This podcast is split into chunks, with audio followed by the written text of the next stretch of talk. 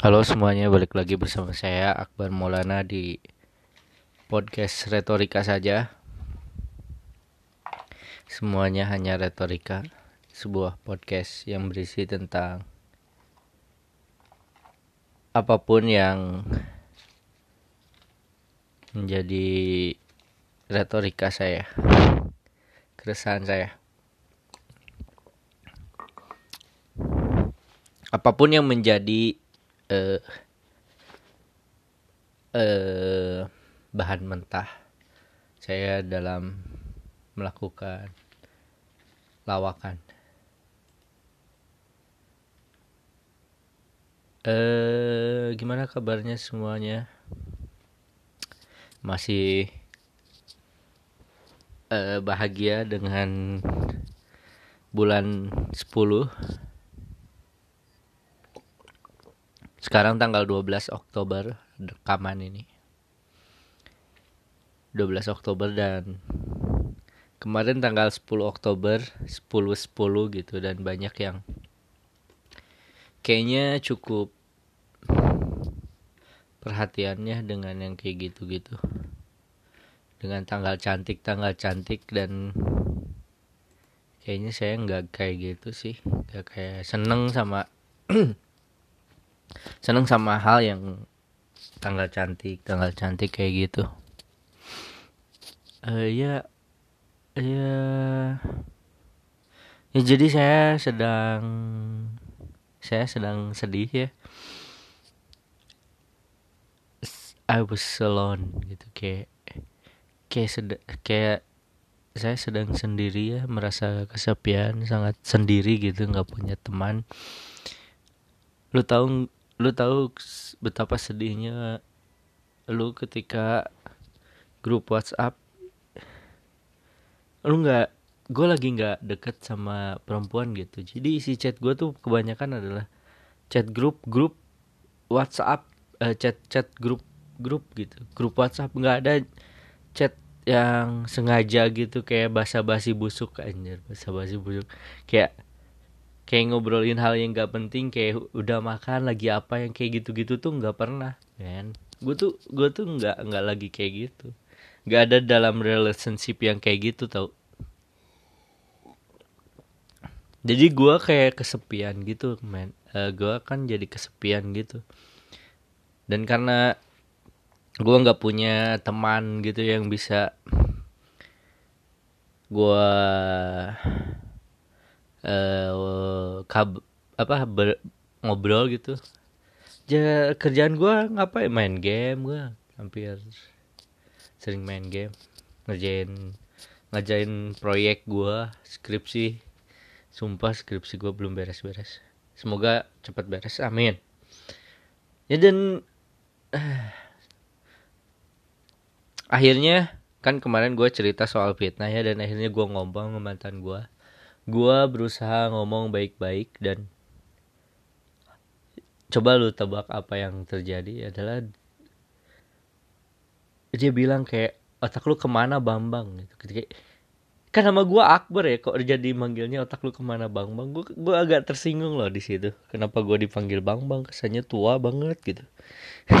Nggak har harusnya nggak kayak gitu ya konteksnya.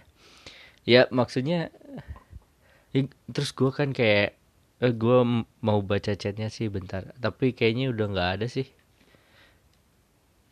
Gue tuh kayak gue pengen minta penjelasan apakah benar bahwa saya tuh pernah bilang seperti itu gitu ya. Pernah mem mem memfitnah mem bercerita sesuatu aib ke teman gitu. Tentang te tentang seseorang kepadanya dan seseorangnya itu tahu dari saya saya pengen tahu kapan dan di mana. Terus gue kayak terus dia jelasin gitu bahwa itu tuh waktu gini gini waktu telepon. Waktu dia dia nggak bisa ngasih bukti chat cuman dia waktunya adalah ketika waktu itu gue ngasih kado terus gue kasih kado terus gue gue habis ngasih gue tuh pengen niat ngasih lu tolol nggak? Gue tolol ya kayaknya gue gue tuh goblok kayaknya ya. Ya maksudnya kalau lu mau ngasih kejutan sama mantan sahab, sahabat mantan lo ya lu nggak perlu ngasih tahu sahabat mantan lo dong. Lu harusnya diam-diam.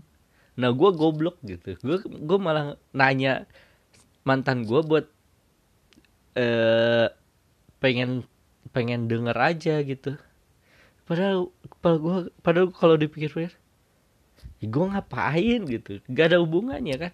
Kalau ya gitu sih. Kalau misalnya lu kalau lu pengen membuat apa berjudi ya.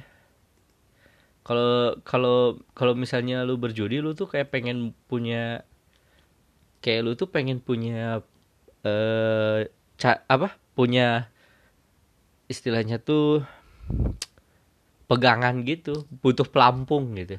Nah ketika gua berkorban mengeluarkan duit duit gitu kan gaji gua kecil ya sebagai guru honorer yang cuman gaji di bawah UMR gitu eh, tenaga honorer. Terus gua kan harus berkorban gitu ya. Dan harga boneka tuh cukup mahal ya hampir setara setengah gaji gua gitu. Sedih gitu. Terus gua kayak nih kalau gua kasih boneka ini gitu worth it gak gitu kan nah kalau misalnya gua kalau misalnya gua nggak ngomong kayak gitu pasti nggak akan worth it gitu ngerti nggak? Jadi kayak jadi kayak gue tuh butuh pelampung mengatakan bahwa worth worth itu layak kok kamu ngasih hadiah gitu. Dia kayaknya bakal nerima dan senang gitu nggak akan ninggalin. Nah gue tuh pengen nyari kayak gitu ke mantan gue goblok gak ya jelas lah mantan gue marah gitu kayak ngapain sih lu? Itu kan urusan lu sama dia sama sahabat lu lu udah mah ngedeketin sahabat gua terus malah nanya kayak gini. Terus gua gua tuh kayak budak tol eh, membego sih gua. Em emang tolol. Ya sumpah tolol. Iya iya nggak sih? Gut? ya dari situlah eh, akhirnya obrolannya tuh sampai melebar-lebar dan akhirnya muncullah fitnah itu.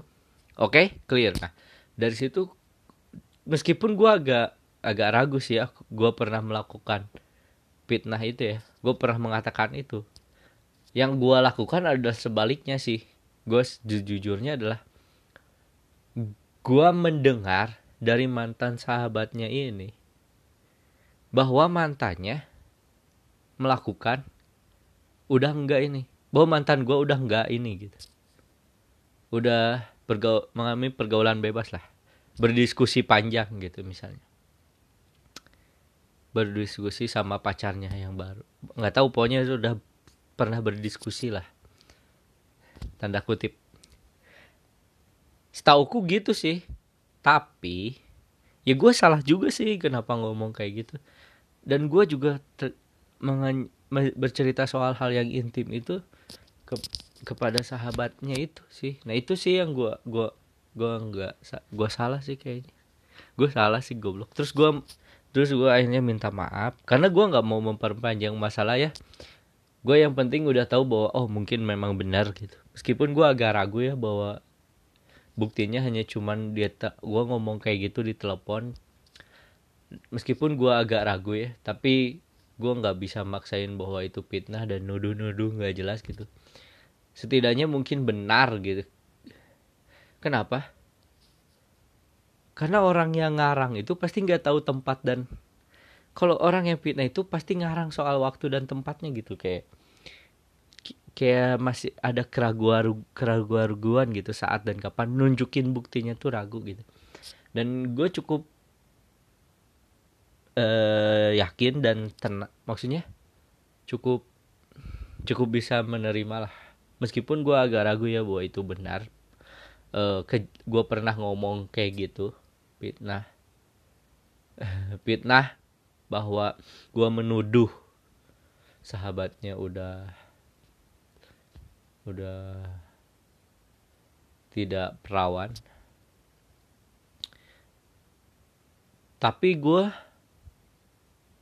ya pokoknya gitulah. Tapi gua nggak tapi tapi gue cukup yakin gua nggak ngomong kayak gitu karena sebetulnya gua nggak peduli sih perempuan udah perawan atau enggak dan menurut gua keperawanan itu bukan hal yang sakral atau gimana sih? Maksud gua kalau ya kalau gini sih kalau orang yang liberal ya gini sih. Kalau orang yang dibela ya gini ya maksudnya lebih seneng ke deket ke Cina gitu sih. Jadi ya kayak nggak peduli soal keperawanan atau enggak gue cukup fair soal itu. Jadi gue nggak mungkin dong mempermasalahkan. Dan gue cukup senang atau intens dan cukup nyaman atau jangan atau aneh gitu kalau gue nyaman untuk berbicara hal-hal yang tabu seperti itu sama lawan jenis sih. Meskipun kalau gue kalau dari pandangan orang lain ngelihat gue ngobrol kayak gitu sama perempuan kayaknya laki-laki ini pervert gitu. Laki-laki ini pornoan gitu mikirnya jorok mulu. Enggak ya enggak tahu sih. Gue merasa hal itu bukan aib gitu. Ya meskipun kalau semuanya tahu ya aib juga sih. Tapi gue berusaha melepaskan itu sebagai kebebasan orang. Tapi kalau gue ketahuan coli juga tetap takut sih. Ya udahlah kebaikan. Nah tapi uh, balik lagi kan kan gue abis itu ya udahlah. Setelah gue tahu waktu ngomong gue kapan waktu itu uh, waktu waktu berarti gue waktu masih uh, men mengobrol uh, buk, aduh gue los nih. Nah kebiasaan gue tuh kayak gini suka ngelos los pikiran gitu ngelantur ke mana-mana. Eh uh, ya setelah setelah tahu kejadiannya waktu itu waktu gue mau ngasih boneka yang gue agak ragu terus gue nanya mantan gue nah itu goblok gue karena lu pernah nggak sih mikirin bahwa ini gue kasih ini nih gue kasih sesuatu nih layak gak sih buat perempuan ini? Layak gak sih? Karena mbak karena nggak tahu ya kalau lu sih kalau lu tipe orang yang sering royal terus ogah rugi. Dan mungkin lu cukup berada untuk uh, untuk mengikhlaskan orang membantu perempuan. Dan meskipun itu bertepuk sebelah tangan sih kayaknya lu nggak bakaran mikirin apa pun sih. Ya enggak sih? Gue gue pengen tahu sama lu gue penasaran. Seberapa sering sih lu berpikir untuk memberikan sesuatu sama perempuan? Itu berharap timbal balik gitu seberapa sering sih lu ikhlas memberikan dan lu nggak berharap balasan perasaan atau balasan perhatian dari si perempuan ini? Pernah nggak sih? Pernah nggak sih lu kayak kayak gitu kayak mikir kayak gitu? Kayak misalnya nih lu ngasih neraktir atau ngasih hadiah ulang tahun atau ngasih boneka atau ngasih kejutan misalnya apa pun ya kue atau apa pun e, menurut lu e, seberapa berpikir soal untung dan rugi ketika lu melakukan itu? Ya kalau lu kaya sih nggak akan mikir untung rugi ya. Tapi kalau kayak miskin kayak gue sih mikir mikir lagi sih. Kayak ini kalau gue kasih ini sih gue untung gak sih? Karena kenapa? Karena karena gue tuh boros men gue tuh nggak bisa mengontrol uh, kuasa terhadap uang gitu. Dan belas kasihan perempuan. Jadi kalau misalnya udah uang gue punya uang ya gue kayak nggak punya uang sih kalau gue punya pasangan. Kalau gue lagi deket sama perempuan gue kayak nggak punya duit aja gitu. Duit gue kayak milik dia aja. Apa pun yang dia pengen ya gue pasti lakuin. Meskipun kayak gue masih punya tagihan esok ke hari buat kebutuhan gue gitu. Hutang gue sama ibu kantin kan belum dibayar gitu. Ya masa ya masa ya kayak ya kayak gitu sih. Gua, tapi gue nggak nggak enak nolak gitu kayak ngomong. Eh sorry uh, ibu kantin. Eh sorry ya ini aku lagi mau ada bayaran. Nggak enak lah. Lu masa ge ngegebet apa lu PDKT pertama kali kayak gitu ngomongnya ya gimana? Malu dong. Nggak malu dong. Ya udah. Ya udah jangan jangan. Makanya gue lagi mikir-mikir kayak kalau gue ngedeketin ya gue sekarang nyari yang udah kerja sih biar bisa saling sharing gitu kebutuhan masing-masing. Ya kadang gue yang traktir kadang dia yang traktir. Gitu sih. Ya nggak tahu juga ya. Mungkin aja gue salah. Dan gue kadang suka keceplosan gitu kayak ngomong kayak gitu. Jadi gue jadi gue kayak kadang kok keceplosan ngomong eh kok lu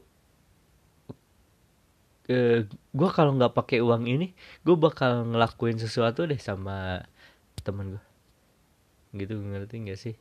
Kayak lu ngedate nih lu ngedate kencan gitu ya. Maksudnya jalan pertama kali gitu. Terus di akhir-akhir ngomong kayak ya kalau kita nggak jalan ya mungkin uang uang saya tadi kan saya gue harus neraktir ya neraktir cewek ini terus gue kayak ngomong ah kalau misalnya tadi kita kalau kita bisa di tempat yang lebih yang tadinya saya sih eh, kayak ngomong tadinya saya ta, tadinya gue sih pengen ke tempat ini ya biar murah biar uangnya buat dipakai ini buat dipakai bayar hutang di kantin gitu. Atau tadinya gue mau pengen nonton sih gitu. Atau tadinya gue pengen bayar uh, pengen beli bubur sih.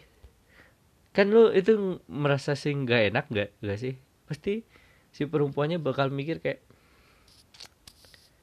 eh kalau tau gitu kenapa lu nyuruh ke sini sih? Kok lu bikin gua nggak enak sih? Gak enak hati. Ya kalau misalnya lu nggak bisa ngajak gua ke tempat yang mahal kayak gini ya udah jangan jangan maksain gitu. Ah janganlah udah deh. Pasti go out sih perempuannya bakal meninggalkan lu. Ya enggak sih? Ya yeah. ya ya gitulah. Nah gara-gara ya udahlah akhirnya gue minta maaf sama mantan gue ini. Ya udah kalau misalnya memang seperti itu kedua keadaannya saya minta maaf. Baik akhirnya gue diblok deh. Diblok um, semua sosial media semua WhatsApp semua komunikasi kecuali telepon gue masih ada sih nomornya dia dan kalau gue telepon gue mantan gue masih bisa nyambung sih. Sama email. Email sih masih gue gue masih tahu sih. Tapi gue nggak kebayang sih kalau sekarang masih chattingan apa e, memberi kabar atau bertukar pesan atau ngobrol di email. Aneh banget kayak mau ngasih lamaran kerja atau bikin surat kedinasan gitu. Nah dan akhirnya gue mak gue bilang kayak ya udah deh gue ma, ma minta maaf sama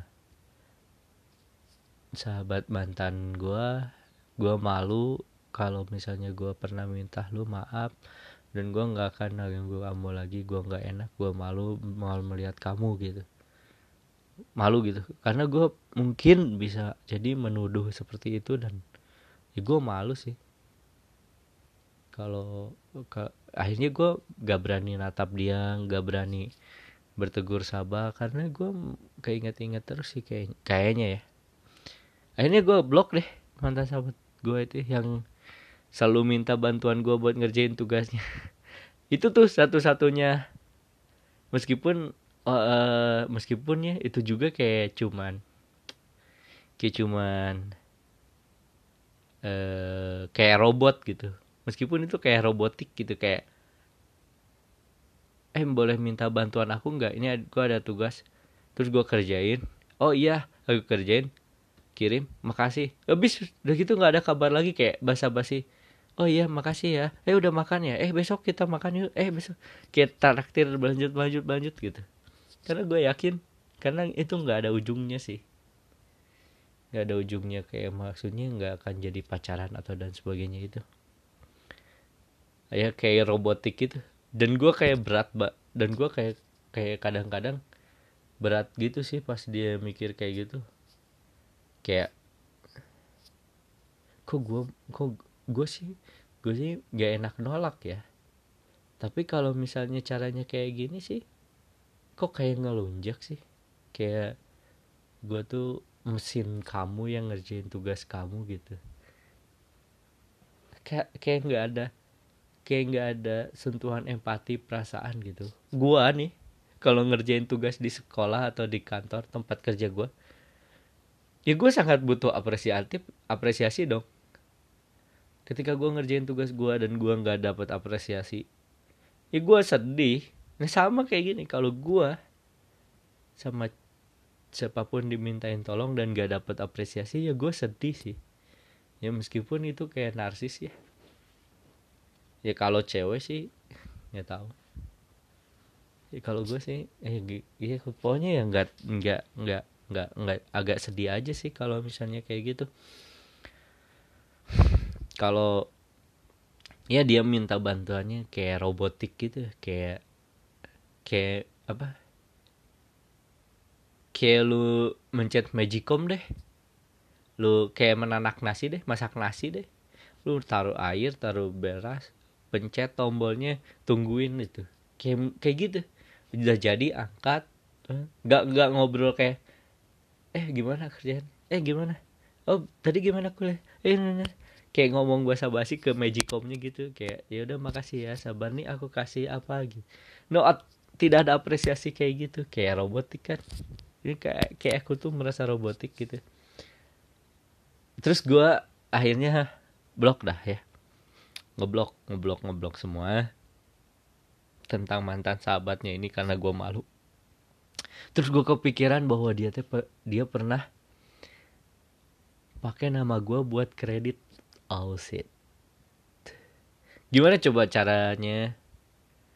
Gimana coba caranya dia biar nggak lupa tagihan kreditnya? Gimana coba caranya? Tagihannya cukup mahal loh. Kebayang nggak dan gue bingung gitu sekarang kayak apakah dia nggak bisa bayar atau dia bayarnya gimana? Nggak tahu. Karena karena ya kre, apa e, nomor kreditnya ada di aku sih. Ya nggak tahu sih. Kayaknya kayaknya gue bayar deh. Meskipun duit gue pas-pasan ya ampun sedih bener sedih bener hidup hidup. Nah itu aja sih soal. Akhirnya gue sendiri sepi nggak ada teman. Ya gini lah kerjaan gue main game nonton YouTube uh, like Instagram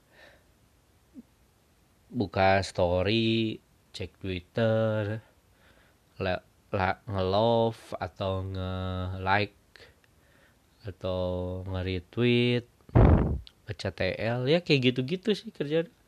Gak ada hal-hal yang membuat terasa intimate gitu. Aduh kayaknya emang sebaiknya bahas yang kayak gini ya daripada bahas-bahas soal politik gue ber, turut berduka cita oke? Okay?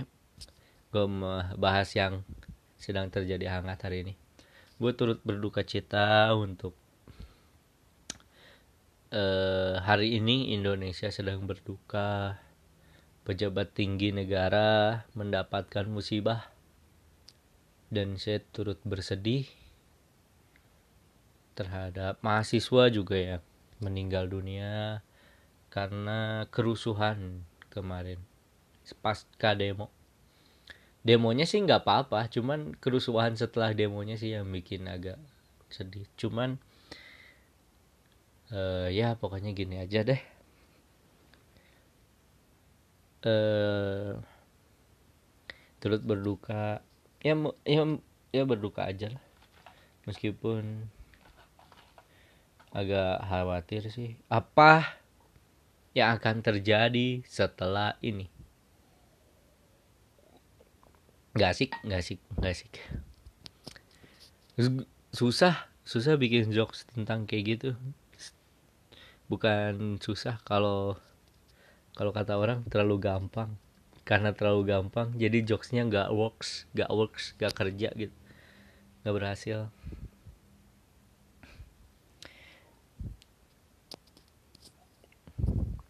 uh, ya pokoknya turut berduka cita lah. Semoga cepat sembuh dan semoga lebih bisa tobat. Tapi kalau pejabat tinggi negara itu bermasalah lagi ya saya tetap gonggongin sih. Uh, terus juga turut berduka cita karena gue gajinya kecil. Eh di di era sosial media ini sih ada pekerjaan yang namanya yang sempat hangat tuh kemarin-kemarin jadi buzzer buzzer pemerintah. Buzzer buzzer kayak buzzer buzzer RP gue nih kalau ditawarin gue mau loh jadi buzzer. Ya karena gue nggak punya duit sih gue pengen duitnya doang. Tapi gue penasaran sih kalau jadi buzzer itu dia bakal pindah bisa bisa pindah nggak sih? Maksudnya apakah ketika udah terjebak dalam kolam itu dia bakal di kolam itu terus gitu?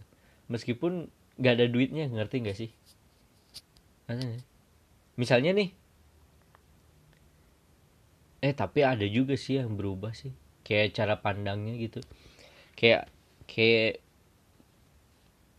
kayaknya mungkin juga sih. Tapi maksud gua kayak nggak malu emang ya kayak udah masuk kolam itu. Ketika lu udah dapet buzzer pertama misalnya eh, pekerjaan buzzer nih pertama kali yang kontroversial dan berbau politik tentunya lu akan terus-terusan dihubungkan dengan itu sih. Dan ketika lu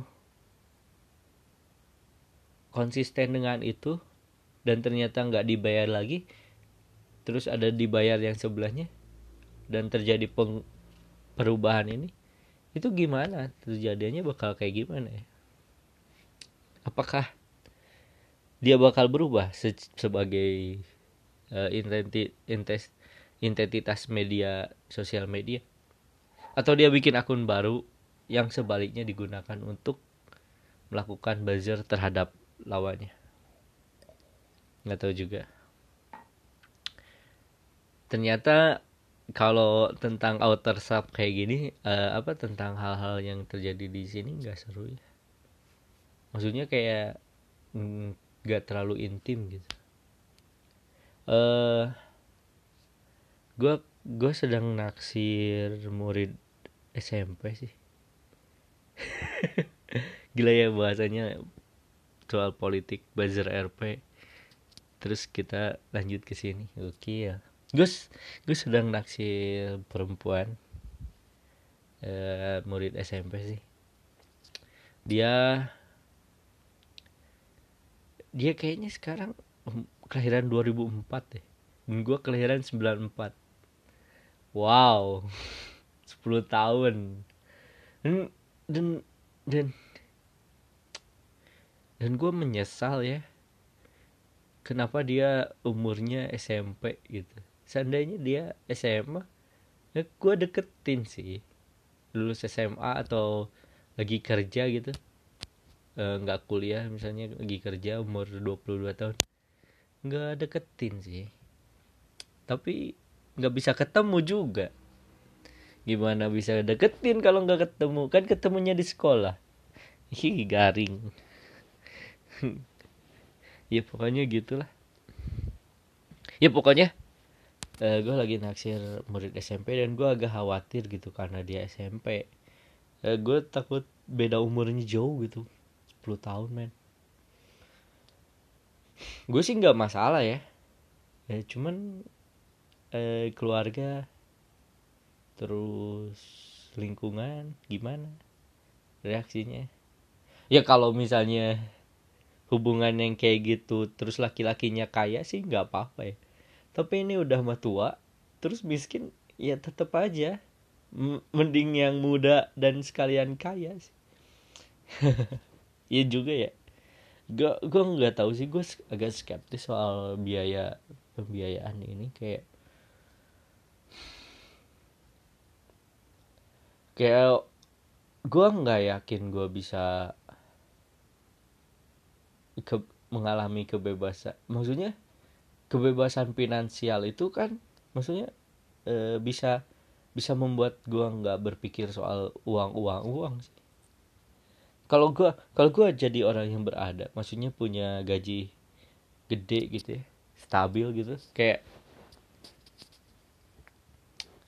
ya gue ya ya ya gue ngejar ya gue nggak akan mikirin kayak wah kalau kayak gini dia mau nggak ya gitu. Kayak mikirin ngedeketin cewek terus kayak ragu karena nggak ada bi- karena strata ekonominya kurang sih. Ya hajar aja siapa pun. Ini gue gue kasih ya gitu. Oh kalau bayangin ya biaya hidup perempuan mahalnya minta ampun ampun ampun. Gua gua laki-laki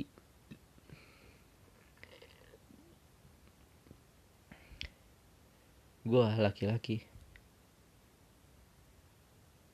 Gue bisa nggak beli baju lebaran doang? Gue bisa. Beli baju lebaran doang gue bisa. Perempuan tuh nggak bisa beli baju nggak lebaran doang. Perempuan tuh harus tiap bulan minimal beli baju baru.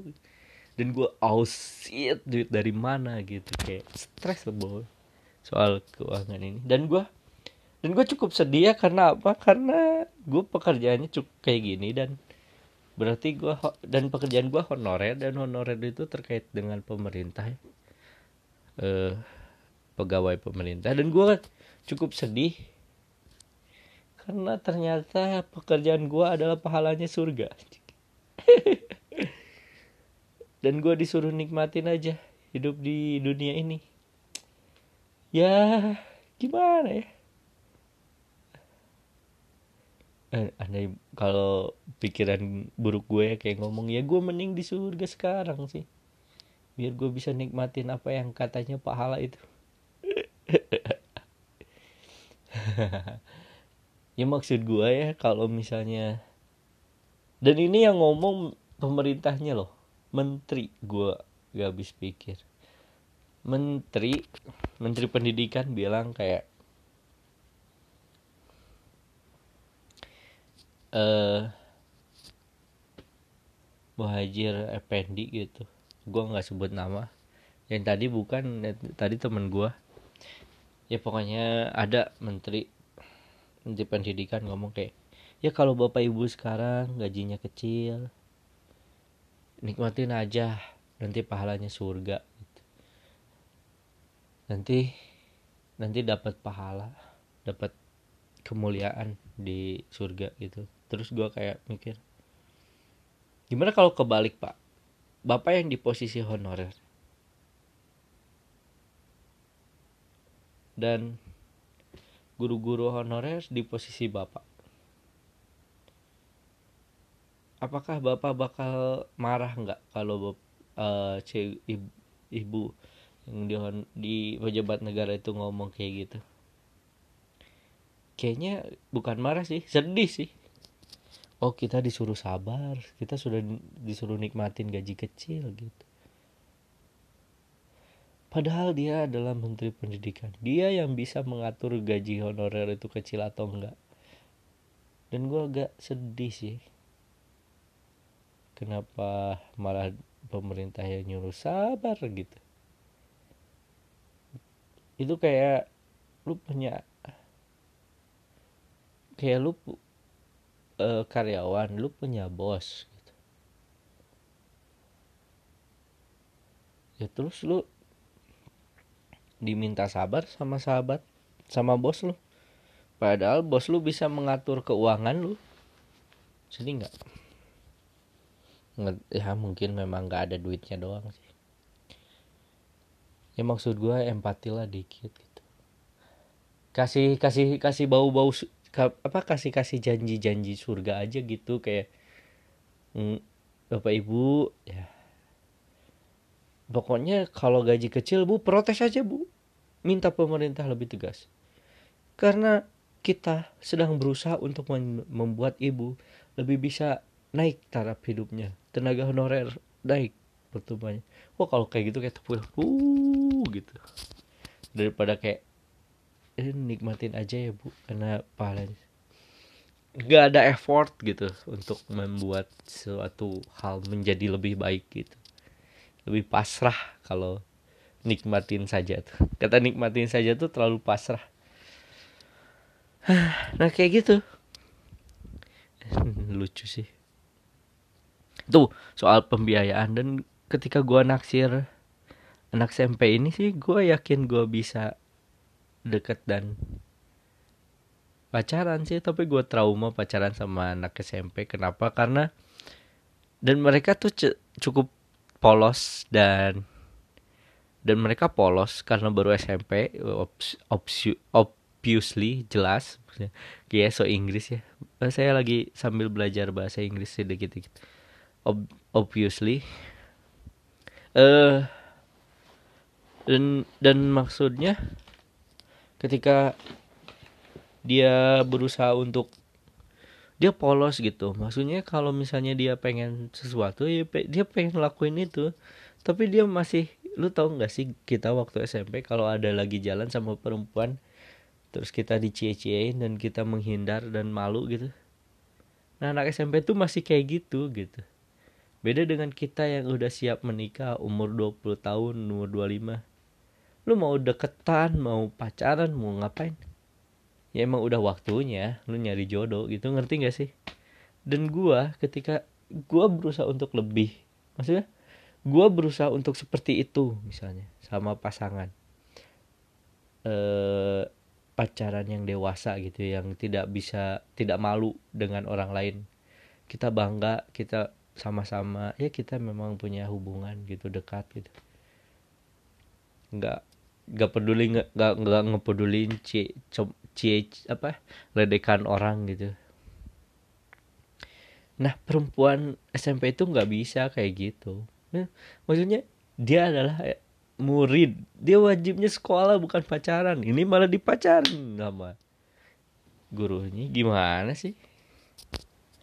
Yang ya harusnya nggak gitu kan ya ya emang benar ya gua gua nggak tahu ya. Gua berharap kalian bisa gua uh, ini udah siaran ke keempat di bulan ini atau di minggu-minggu ini dan gue berharap ini lebih baik kualitasnya agar gue bisa promosi dan gue bisa nge-share ini dan mungkin gue bisa dapat uh, feedback dari kalian timbal balik. Mungkin kalian bisa uh, nge ngobrol di Facebook saya Akbar Maulana Muhammad Akbar Maulana atau ke Instagram saya at underscore Akbar underscore Maulana atau ke email di podcast akbar at gmail.com ya sekedar biar gua tahu ada yang dengerin. Meskipun kayaknya nggak akan ada yang dengerin juga sih. Ada sih paling satu. Paling orang kayak mikir ini ngapain sih si Akbar ngoceh? Nggak jelas. Gitu. Dan ini sangat sangat apa sangat sangat pribadi ya. Maksudnya hal-hal yang kayak gini nggak mungkin gue keluarin di muka umum sih. Se secara gitu gue image gue gitu berusaha dijaga dengan baik. Ya gimana coba? Di negara yang seperti ini jadi jujur dan suka kayak gitu susah sih. Maksudnya? Suka mabok terus suka bawa cewek itu tuh tabu sih. Tapi kalau di luar negeri nggak tabu. Di sini aja tabu gitu. Jadi kayak nilai yang dianut oleh masyarakat luas adalah bahwa public figure itu harus menjadi contoh. Dan contoh yang baik itu ya kayak gitu. Nggak mabuk-mabukan dan nggak jadi dan gak suka main perempuan. Tapi coba lihat uh, artis artis dan public figure itu. Ya pasti ada yang suka main perempuan. Yang ketahuan. Karena kalau yang gak ketahuan banyak. Iyalah kalau nggak ketahuan ya banyak gitu kalau kalau ketahuan yang sedikit-sedikit ini ya lagi apa saja lagi sial. Aduh ketahuan. Padahal yang lainnya banyak berjejer berjejer.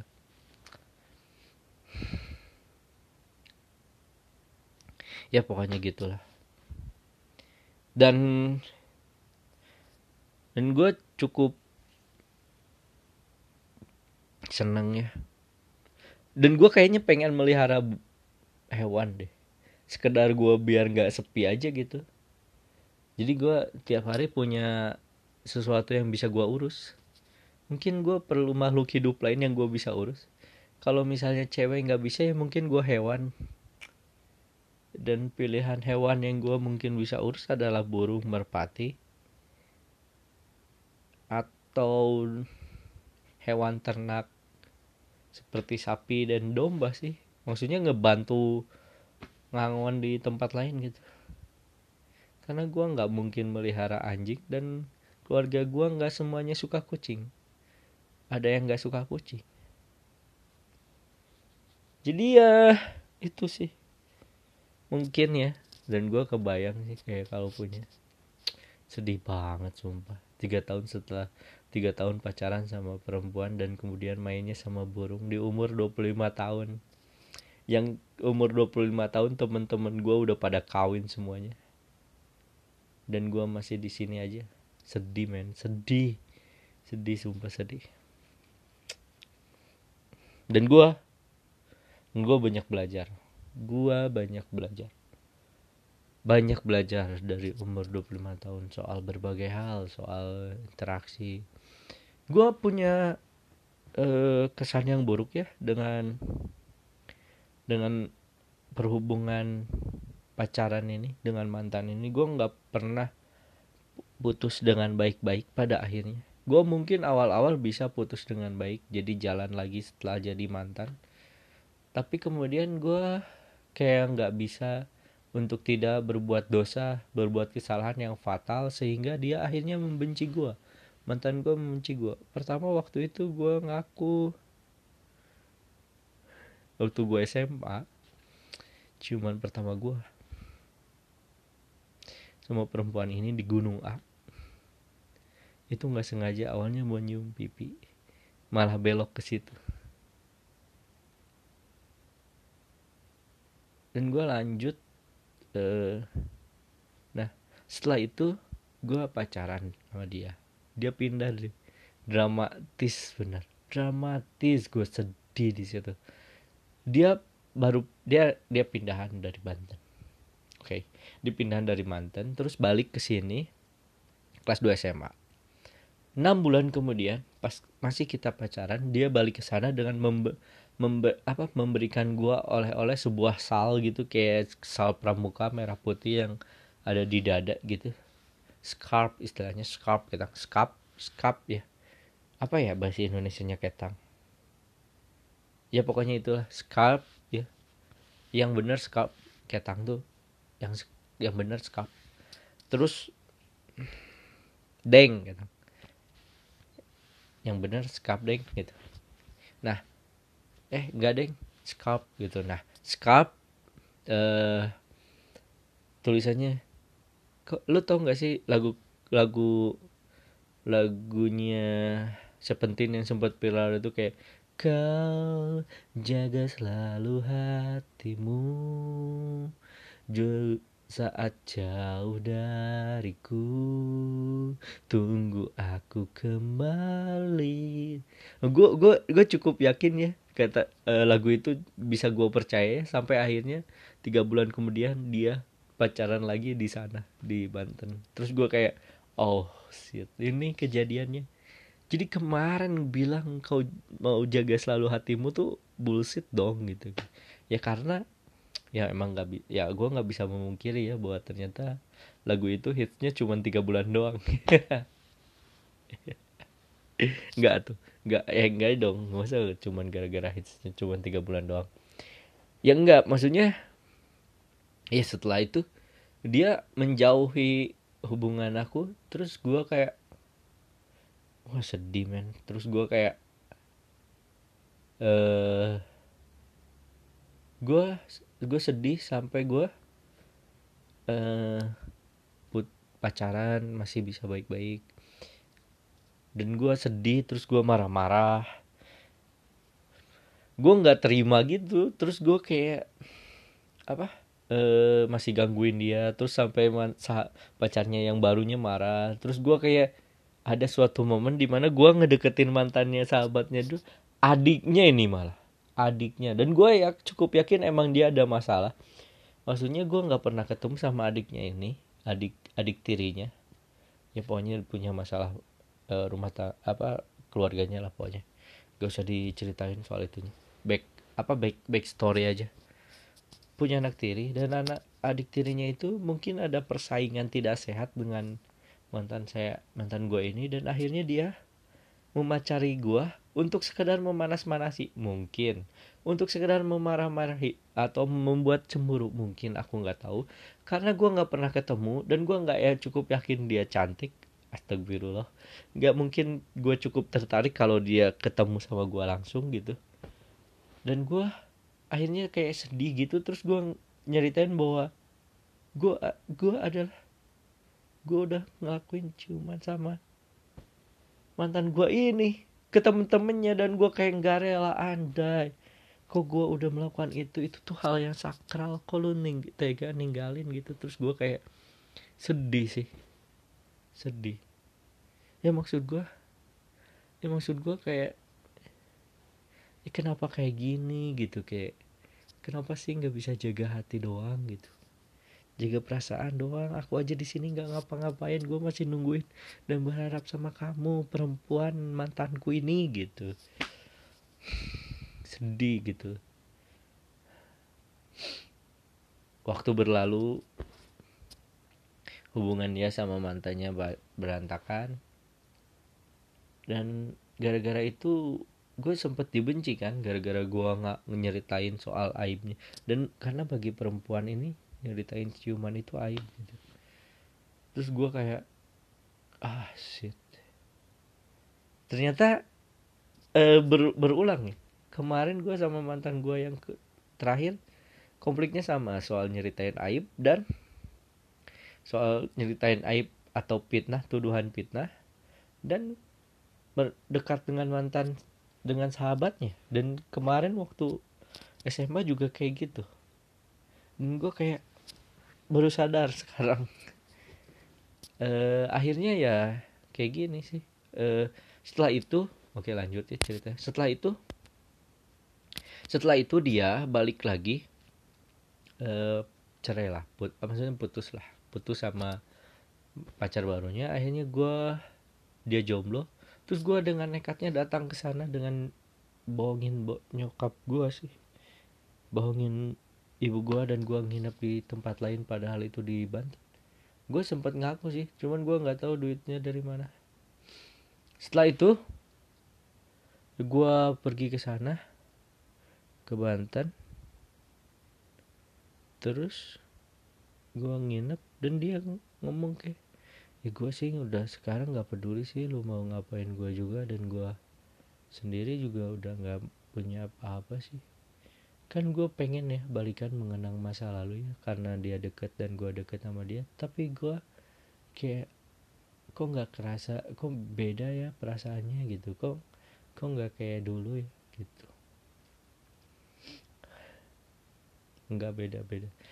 Nggak nggak nggak sesama waktu terakhir kita ketemu yang nyanyi kau jagalah selalu hatimu. Ngasih scarf gitu. Rasanya beda. Dan dan gue mau pegangan tangan sama dia aja jadi kayak canggung gitu tau. Pas pertama kali ketemu kayak salaman doang gitu nggak sun apa cipika cipiki atau suntangan atau meluk gitu. Padahal waktu dulu untuk pacaran ya kayak gitu meluk gitu. Gue cukup sedih sih. Dulu gue malu sih itu itu pertama kalinya gue pacaran gak beres tuh. Gue selalu janjian ke tempat mana seduluan sendirian. Akhirnya mantan gue ada apa mantan gue itu datang dan dia da, gue dan dia melakukan masuk. Nggak deng. Melakukan cium. Jumpa ya malu gue kalau dibayangin anjir ini jadi ajang buka aib ya. Gak apa-apa lah. Gua harus berusaha membuka segalanya gua dengan dengar jadi pas ada yang dengerin podcast ini terus ada yang cerita soal gua kayak gini gitu gua kayaknya teman-teman gua kayak kaget. Oh si abai kok kayak gini ya? Dan gue ternyata aslinya kayak gini. Lupa ada shock semuanya. Nah Nah inilah yang membuat gue malu memegang nama Muhammad Akbar Maulana ya aib aib ini. Ya udahlah itu lupakan aja masa lalu. Oke, nah dari situ nggak nggak pernah ini sih, nggak works gitu, nggak nggak rasanya beda dan gue sadar bahwa ternyata memang itu sih ciri-ciri sebuah per, sebuah hubungan itu berjalan dengan baik adalah ketika ketika kita ketika kita nyaman sama perempuan ini ketika kita kencan pertama dengan perempuan ini dan kita tidak tidak merasa apa? Dan kita tak tidak mengenal waktu dan kita lupa waktu atau enggak kita tanpa sadar bersentuhan fisik. Seperti layaknya kita udah pernah udah pacaran atau menyatakan perasaan sebelumnya. Itu works buat buat gue itu itu bekerja buat gue jadi kalau gue merasa kencan gue berhasil adalah ketika di si perempuan ini dengan ikhlas dan tanpa sadar menyentuhkan tangannya ke memegang tangan gue atau memeluk atau merangkul atau memberi usapan atau atau setidaknya sebaliknya gitu. Tanpa sadar gue memegang tangannya merangkul tang eh, apa eh, bahunya gitu. Dan dan dan perempuan itu nggak nolak gitu. Tanpa sadar dia mau. Itu works dan setiap hubungan yang gue rasa kira lancar itu dan ber, berlanjut ke pacaran hubungannya kayak gitu ada ada interaksi yang works dulu. Ada yang interaksi yang tanpa sadar member, membentuk sebuah chemistry kayak gitu. Karena kalau lu ulang misalnya nih udah nih ya. Kesan pertamanya kayak gitu. Kesan pertama D tapi gue pernah ngalamin ketika gue pertama kali ngelakuin kencan kayak gitu dan works terus ada masalah di tengah balik lagi ke ketemu lagi kenal lagi. Itu nggak works. Reaksi reaksi reaksi tanpa sadar itu nggak nggak ada nggak muncul lagi gitu canggung lagi. Nggak tahu ya. Dan makanya kalau misalnya udah ada kalau udah ada reaksi reaksi tanpa sadar yang kayak gitu udah jangan ditinggalin. Udah terusin. Keep a going. Sampai lu merasa nyaman sama dia dan pacaran sama dia. Karena pasti berhasil. Setidaknya tiga minggu atau tiga tahun. Atau tiga hari. Nggak mungkin. Nggak mungkin tiga hari. Aduh. Malu gue kedengeran nggak? Nggak akan lah. Ya kayaknya nggak akan ya pokoknya gitu. Eh masa gue cerita bahwa tadi gue kentut sih di podcast ini? Nggak ada nggak ada penyiar yang kayak ngomong gue tadi habis kentut. Nggak ada nggak ada. Nggak tahu nggak tahu. Jangan udah baik kan oke okay, uh, eh, ya kayaknya gitu ya. Uh, soal soal podcast hari ini kayaknya. Dan gue masih berusaha. Berusaha gitu karena ternyata eh gue sih kayaknya bakal ngejar anak SMP ini sih. Nggak tahu berhasil nggak tahu nggak eh, coba aja dulu. Perempuan ini tuh kayak bukan mau maksudnya bentuk wajahnya tuh tipe gua yang gue suka gitu. Kayak gue tuh nggak suka apa gue tuh gue nggak suka perempuan yang dari fisik ya. Pokoknya kalau kalau perempuan itu cantik itu eh beda-beda. Selera orang perempuan soal cantik tuh beda-beda ya.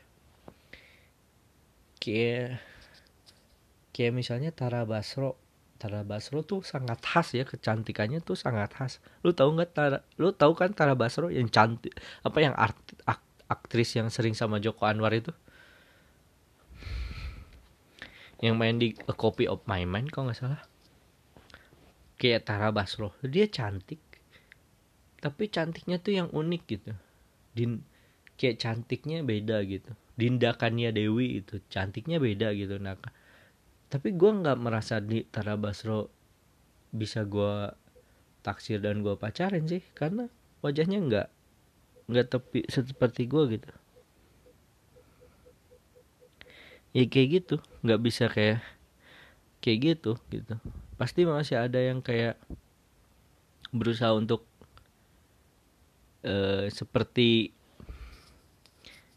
ada hal yang nggak bisa gue buatin buat membuat gue jadi pacar dia adalah bentuk wajahnya yang kayak gitu. Kayak gue lebih suka wajah kayak kadek Ayu Devi gitu misalnya yang yang kayak gitulah gue lebih suka kayak ada pokoknya uh, Wiwid Gunawan. Gue lebih suka muka-muka kayak gitu gitu yang kayak cabi bibir tipis dan ada ciri khas di tai lalat atau ciri khas tai lalat di salah satu bagian di tubuhnya sih kayak di pipi atau di di, pipi atau di bawah dagu atau di mana pun gitu. Itu nah itu cantik tuh menurut gue gue tuh nggak suka yang bibirnya lebar hidung mancung. Hidung mancung sih boleh ya tapi maksudnya nggak mancung-mancung amat mata yang belok gitu. Nggak tahu sih gue lebih suka yang cabi. Maksudnya lebih cabinya cabi dikit ya dan bibirnya tuh tipis-tipis kayak eh kadek ayu gitu lah. Tuh ada tuh yang kayak gitu lagi bibit Gunawan. Terus ada lagi ada artis gue lupa namanya. Ada yang kayak gitu. Nah kayak gitu muka cantik menurut gue nah anak SMP ini wajahnya kayak gitu. Maksudnya kayak gitu. Sel maksudnya punya bibir tipis pipi agak cabi dikit dan badannya dan punya tai lalat gitu. Wah sumpah men. Cantik gitu. Sayangnya dia masih SMP sayangnya itu doang. Terus gue curhat kan cerita sama temen-temen cowok gue satu kantor gitu dan gak apa-apa bar tungguin aja. Tetap keep up kontak sampai dia bisa lulus SMA dan bisa deket sama lu. Terus gue mikir dia SMA gue umur 30 tahun bayangin. Wah gila gue pacaran umur 20 sama 30 tahun. Ya tapi normal ya. Ya tapi maksud gue dianya mau nggak gitu? Kayak nggak tahu gue perlu perlu perlu perlu dukun kayaknya biar dia mau dukun sih nggak mempan ya. Kayaknya perlu pertolongan Allah. Andai. Subhanallah ya ditutup dengan uh, mulia. Sangat religius sekali. Sesuai dengan namanya Akbar Maulana. Kayaknya segitu ya udah sejam. Ye akhirnya bisa rekaman podcast sejam lagi. Eh terima kasih atas waktunya. Terima kasih. Kalau kalau lu seneng boleh dibagikan. Kalau lu denger ini dan lu merasa ini jelek jangan diem. Harusnya di awal ya. Tunggu dulu lu kasih uh, saran ke gua apa yang perlu diperbaiki. Tapi sejujurnya gue nggak pengen ini jadi viral dan sebagainya sih. Ini gue cuman pengen cerita doang. Ini juga buat diri gue sendiri khususnya karena gue seneng e, hal-hal yang gue nggak bisa ceritain ke orang lain gue bisa ceritain di sini. Anonymous juga nggak apa-apa.